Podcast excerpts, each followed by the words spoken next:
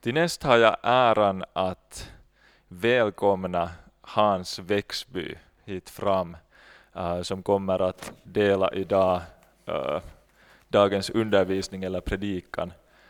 Och uh, ja, Hans är alltså biskop emeritus i metodistkyrkan och han har mycket erfarenhet både från Sverige, Finland och Ryssland. Och idag kommer han dela med oss om all hans visdom han har fått under åren.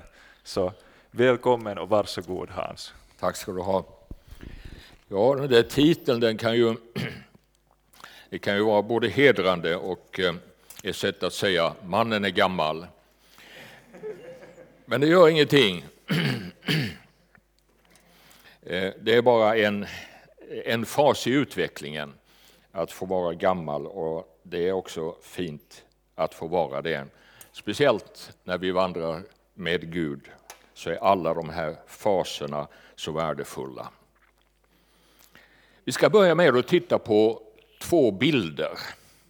Till vänster så ser ni ett, eh, ett skott, en liten växt, kanske inte mer än 5, 7, 8 centimeter hög. Och till höger en, en medaljong och det är en, en ordensmedaljong. Så det säger någonting om vem man är och vem man, var, var man hör hemma. Och min fråga är, vilken av de här bilderna tycker du bäst tjänar som en bild på vad det innebär att vara en kristen?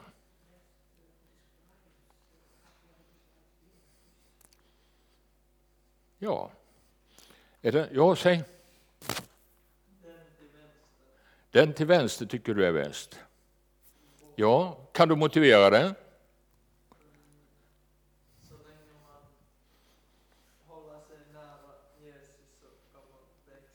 När man håller sig nära Jesus kan man växa. Ja. Någon mer kommentar? Är det någon som röstar på medaljongen, medaljen? Nej.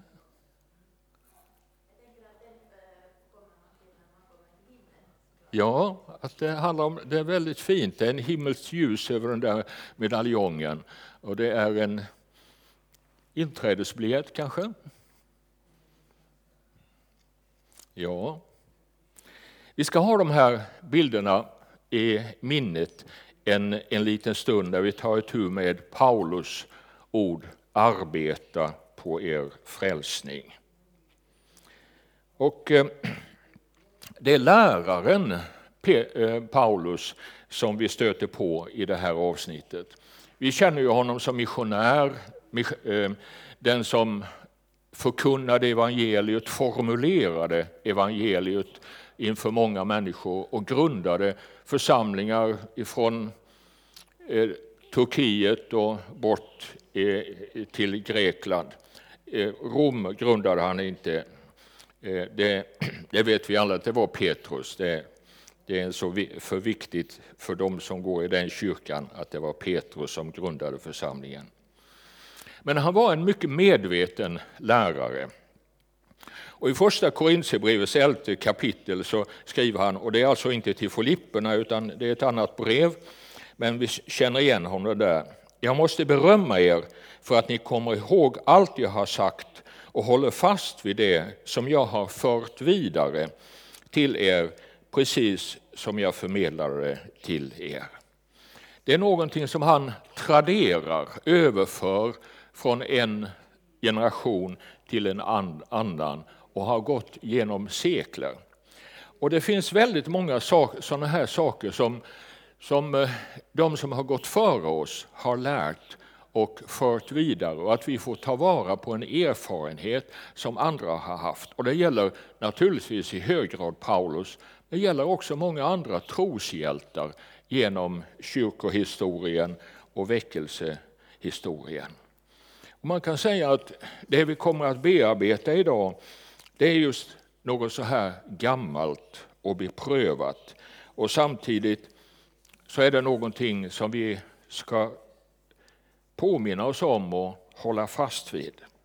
Så de där båda bilderna och att förmedla någonting från generation till generation, det ska vi ta med oss.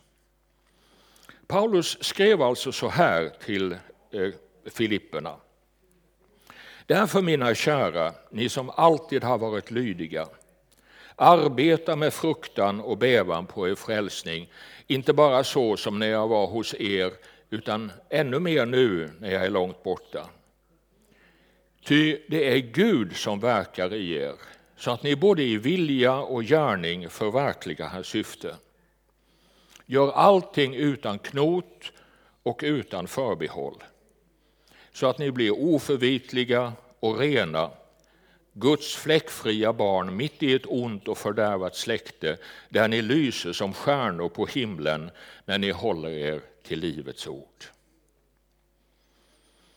Arbeta på er frälsning. Är det inte någonting av en, en motsägelse som, som ligger där i? Frälsning, det förknippar vi ju inte med någonting som vi själva gör. Det, det är en gåva. Och hur hör då de här sakerna, arbete och frälsning, ihop? Vi kanske inte skulle välja det här som vårt favorituttryck som bäst beskriver vad det handlar om att vara kristen. Vi kanske skulle tycka mycket bättre om det Paulus skriver i, i, till Efesierna i det andra kapitlet. Därför mina kära, ni som alltid har varit lydiga, arbet, nej förlåt nu var jag på fel ställe. Eh, Ty av nåd, jag måste titta på det här, kan man få den här, ty av nåd är ni frälsta, kan vi få den? Här.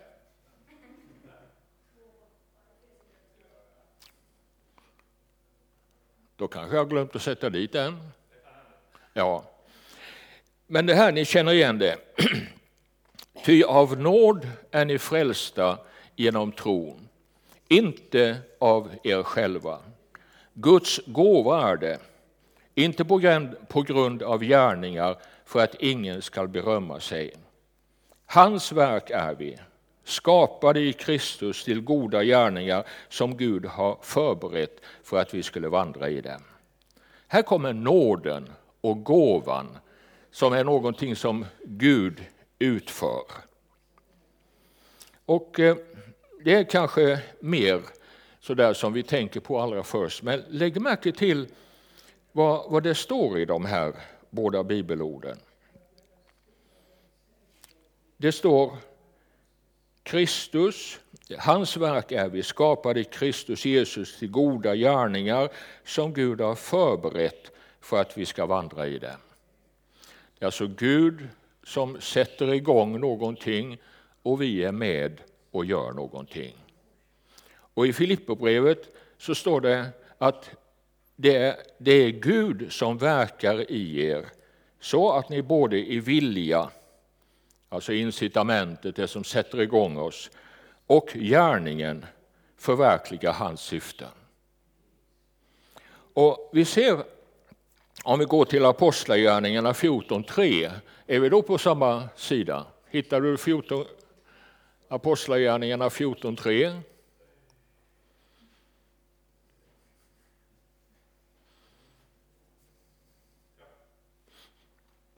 Där ja. Nej, nu kom du lite för långt där. Eh, eh, vad kommer efter den? Just det, så nu hittade vi Filipperbrevet två, Där är det ja, där finns apostlagärningarna. Här ser vi hur, när vi kombinerar Filipperbrevet och Efesierbrevet så kommer vi till apostlagärningarna 14.3. Där ser vi hur Paulus tillämpade det här i sitt eget liv. Så här fungerar det. Eh, Paulus, eh, emellertid stannade Paulus och Barnabas där en längre tid och talade öppet och frimodigt i förlitan på Herren som bekräftade sitt nåderika ord genom att låta dem göra tecken och under. De gjorde tecken och under, men det var Guds nåd som verkade. Det var kraften som fanns hos Gud det var kallelsen som kom från Gud, det var Guds verk från början till slut. Och det är den här dynamiska nåden som Paulus förkunnar både i Filipperbrevet och Fesebrevet.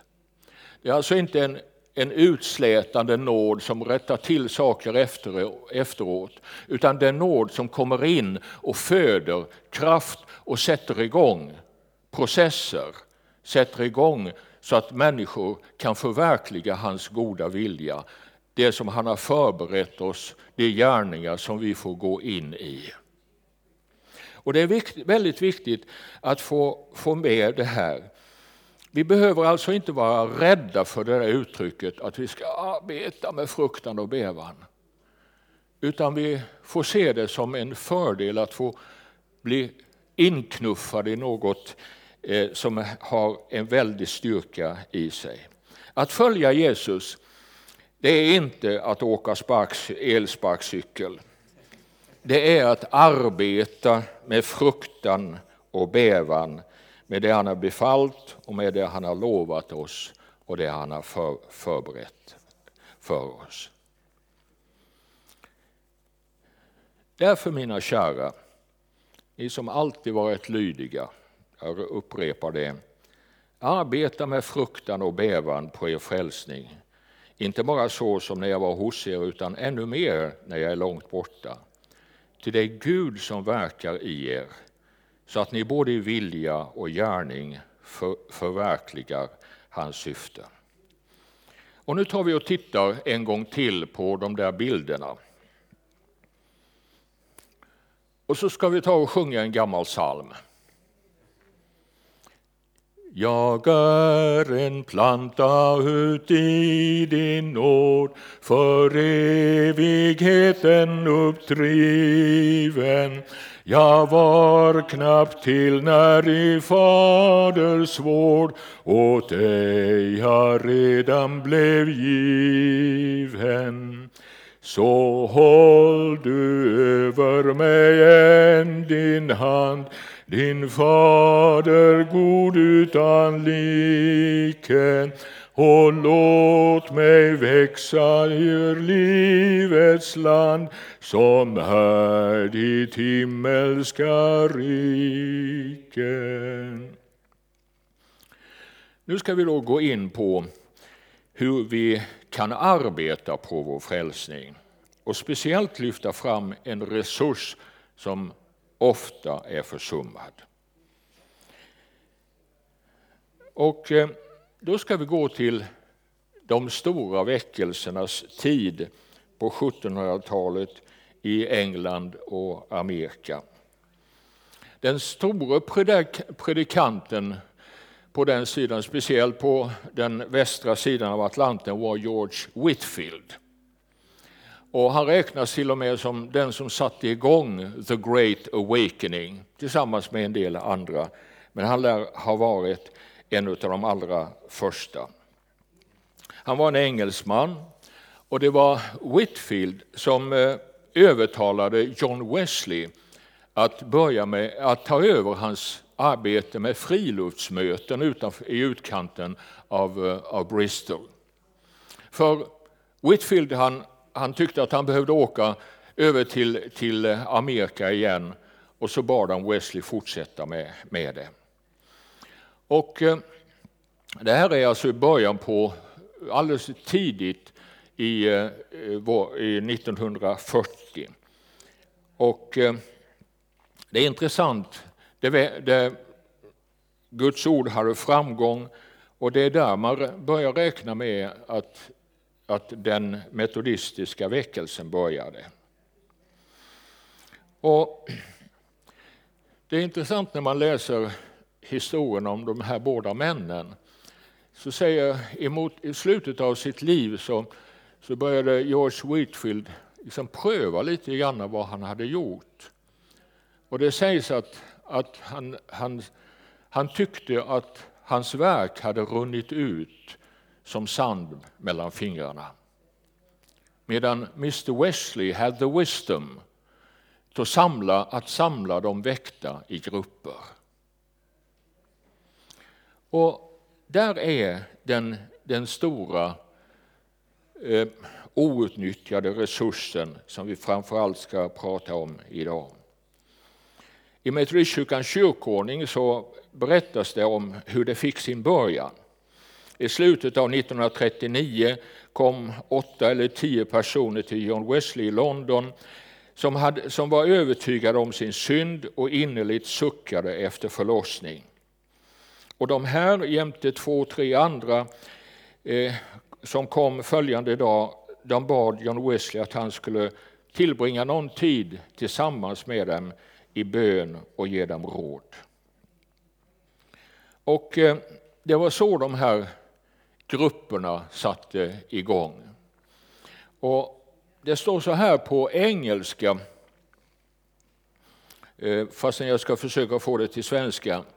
En sådan förening, eller en sådan, ja, en sådan förening är inte annat än en grupp människor som har gudaktighetens form och söker dess kraft.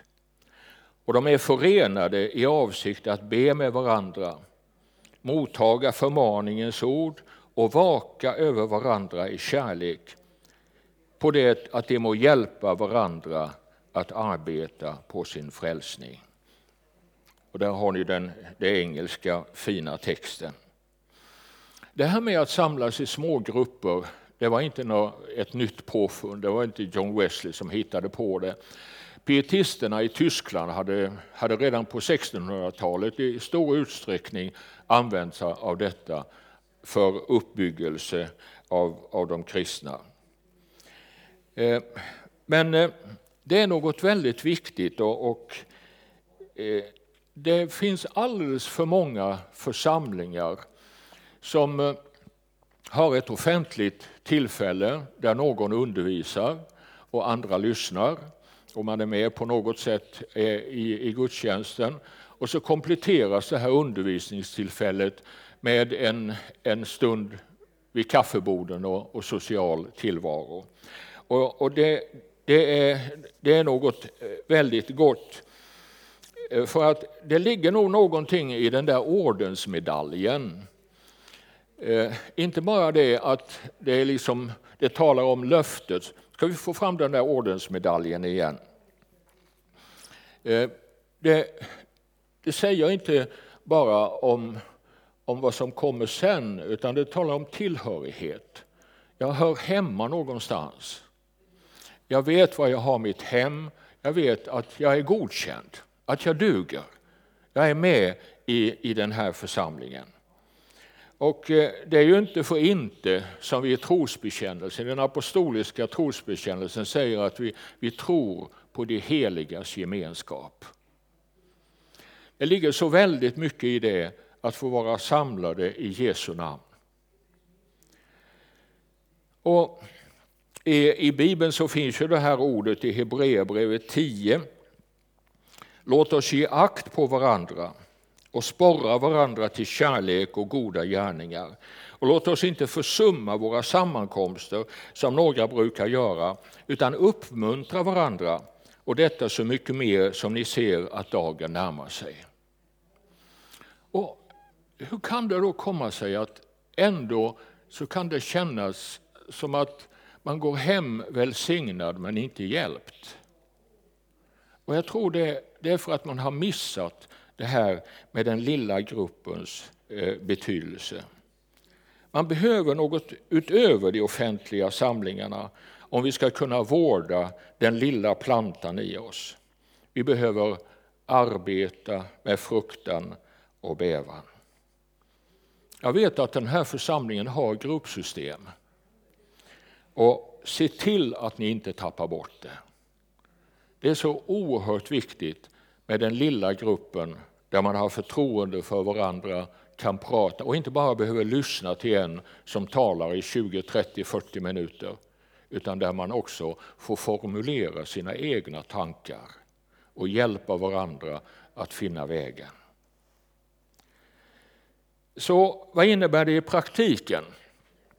att arbeta på, på sin frälsning? Ja, det är alldeles klart att den första punkten det är anslut dig till en smågrupp.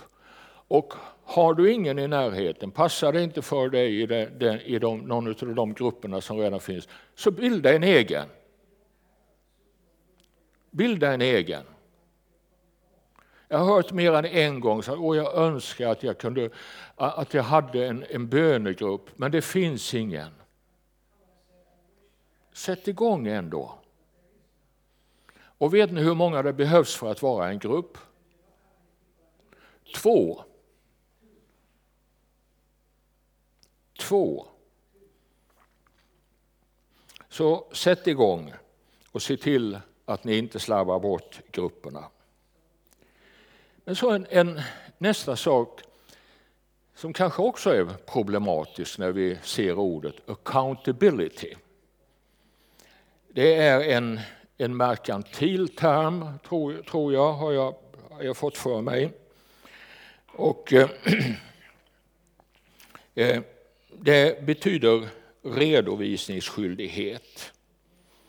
Det är kanske ett ord och en tanke som vi eh, värjer oss lite grann för. Eh, men eh, låt mig få berätta om min erfarenhet med det som heter Emmausvandring. Det är en ja, retreatliknande samling på, på tre dagar. Och eh, där man får repetera de viktiga sakerna i, i livet, hur man tillämpar den. Och så efteråt så uppmanas alla som har gått på den här vandringen att bilda så kallade, det som på engelska heter reunion groups.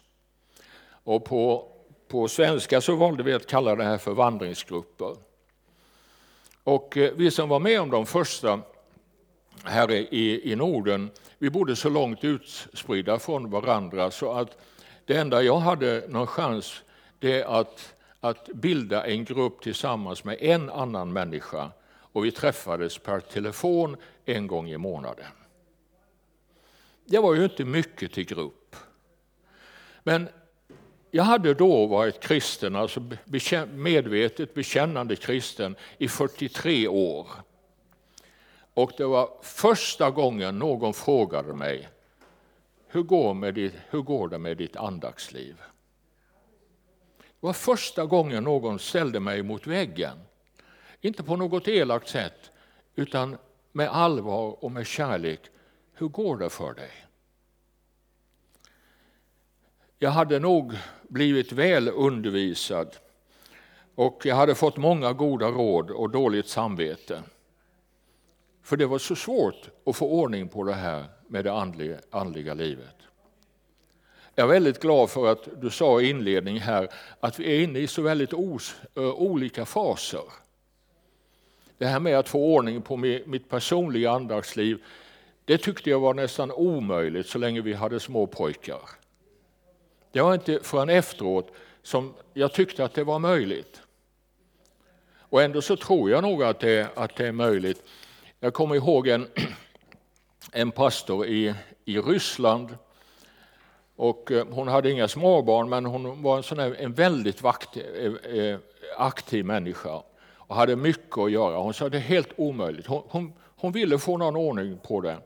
Men, men hon visste inte, inte hur. Det finns inte sådana tider på dagen. Och det här med att, att man inte måste göra det på morgonen, man kan göra det när som helst, det gör det inte ett dugg lättare tror jag för de flesta att hitta de där.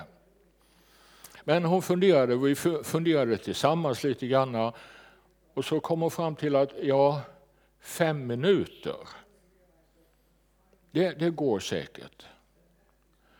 Fem minuter på morgonen. Och hon hade tillgång till en liten andaktsbok som på svenska heter Rätt kurs. Hon använde den, det tog fem minuter.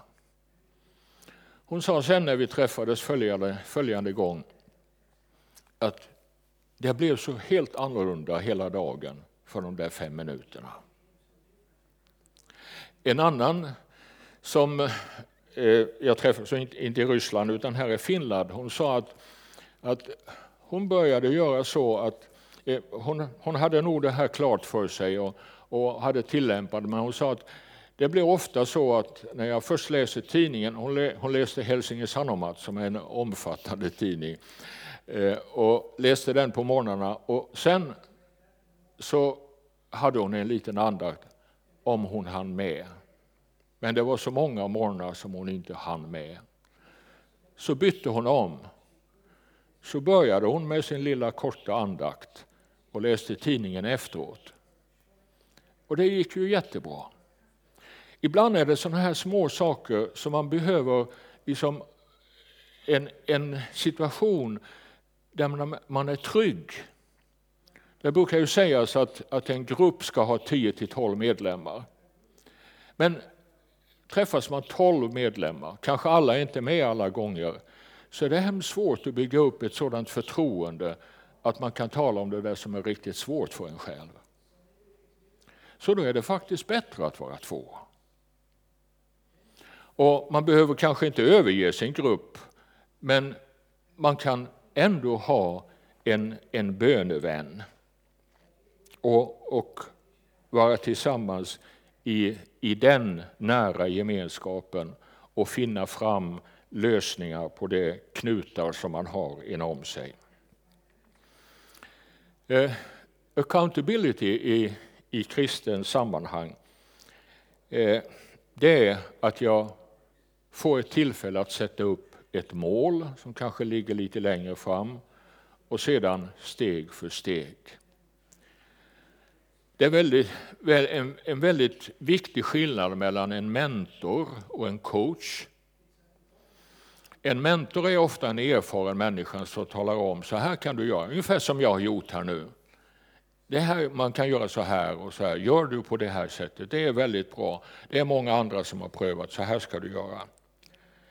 En coach lyssnar och frågar, hur har du det? Och hur skulle du vilja ha det? Och så kanske man kommer fram till en, hur man skulle vilja ha det, liksom en, en, en bild av hur det skulle vara när jag kommer bort till den där dörren där borta.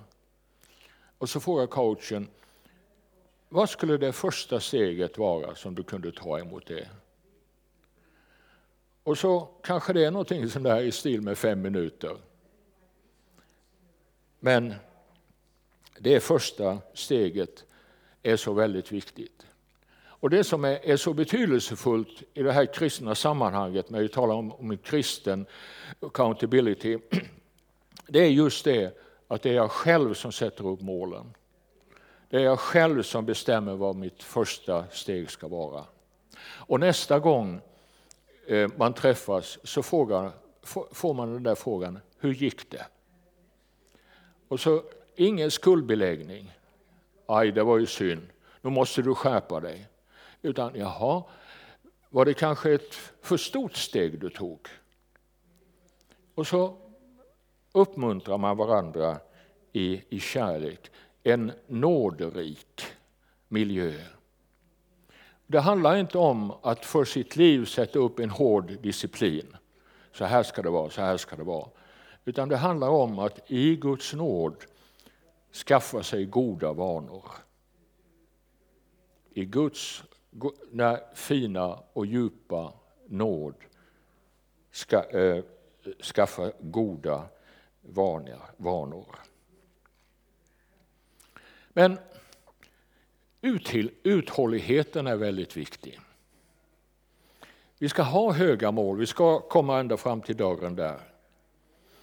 Men vi ska inte ta för stora steg så att vi spräcker oss.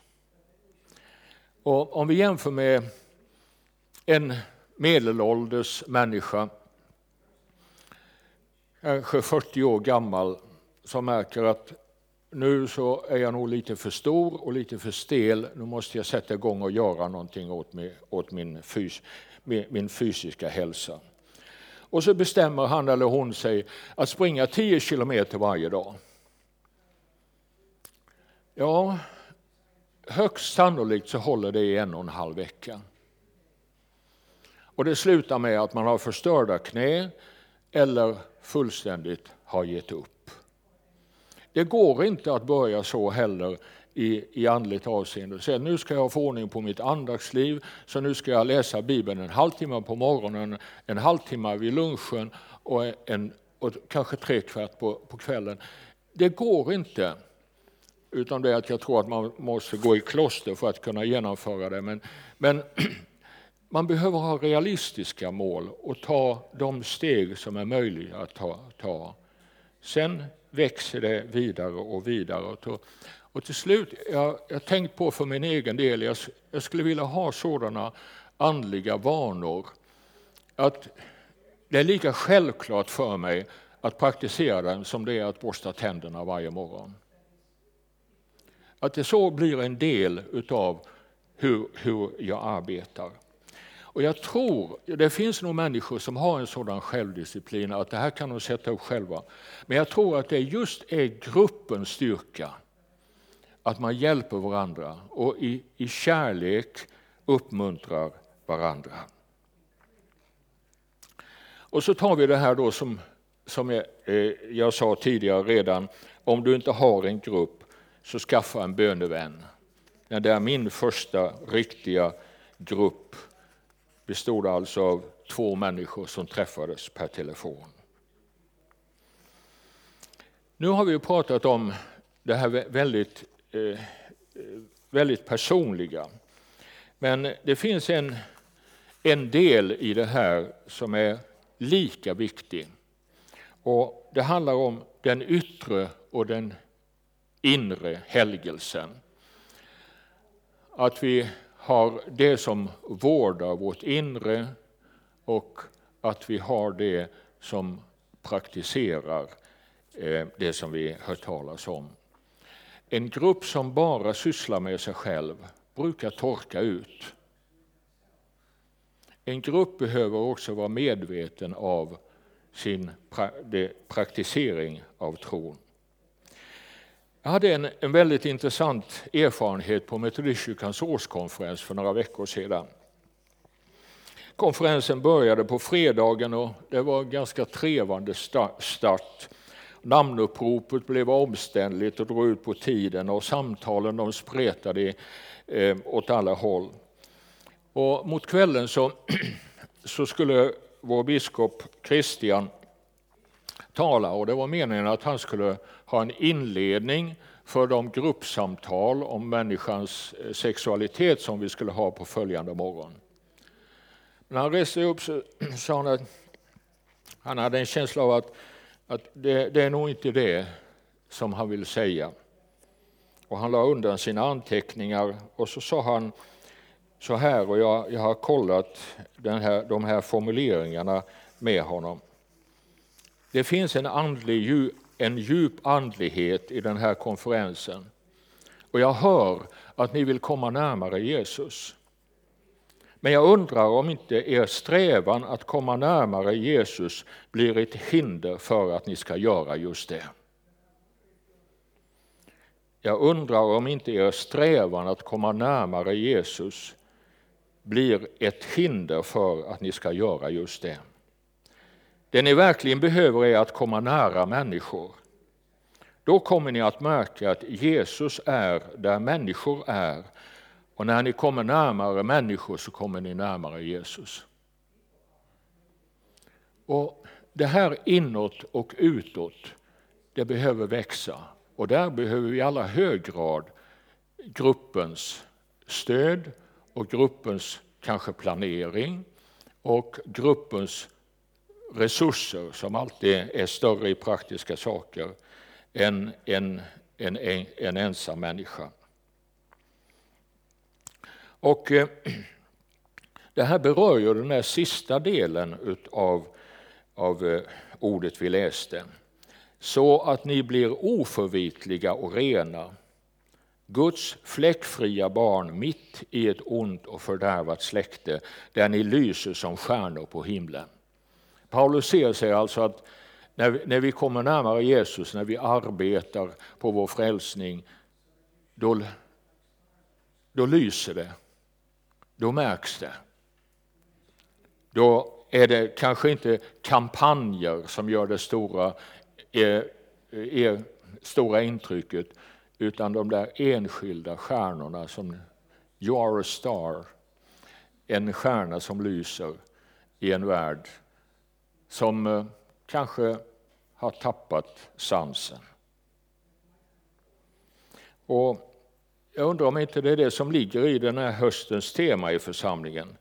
Transforming lives and community through God's love. Och så lite grann om form och kraft. Om ni var uppmärksamma så, så är det där citatet eh, om hur de där grupperna kom till så fanns just det uttrycket, jag betonade det. På gamla dagar så hade John Wesley lite funderingar och eh, följande. Jag är inte rädd för att det folk som kallas metodister någonsin skulle upphöra att existera, vare sig i Europa eller Amerika. Men jag är rädd för att de skulle upphöra, eh, att, att de bara skulle existera som en död sekt som har formen av religion, men inte dess kraft. Och det kommer utan tvekan att bli fallet om de inte håller fast både vid undervisningen, andan och disciplinen som vi hade i början. Det sitter i väggarna brukar man säga. Jag hoppas det här sitter i de här väggarna. Och det har ingen betydelse vad vi har för samfundsbeteckning. Det handlar inte om det.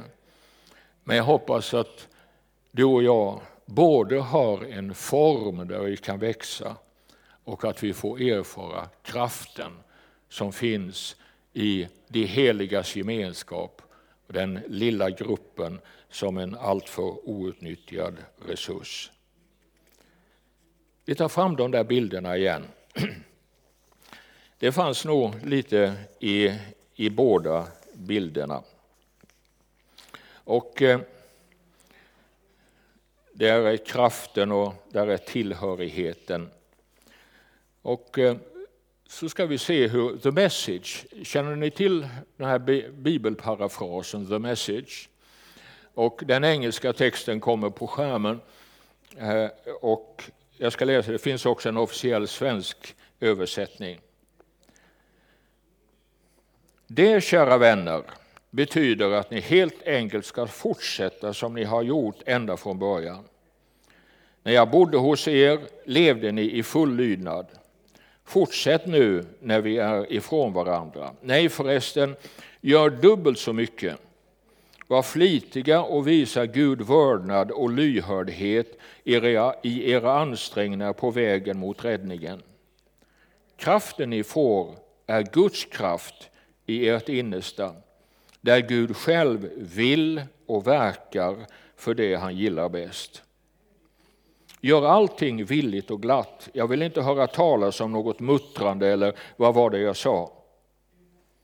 Möt världen, o, möt världen ofördärvade som en frisk fläkt i detta snuskiga och smutsiga samhälle. Låt människor få se en skymt av det rätta livet och den levande guden. Sprid ljus i världens natt med det lysande budskapet. Och där stannar vi.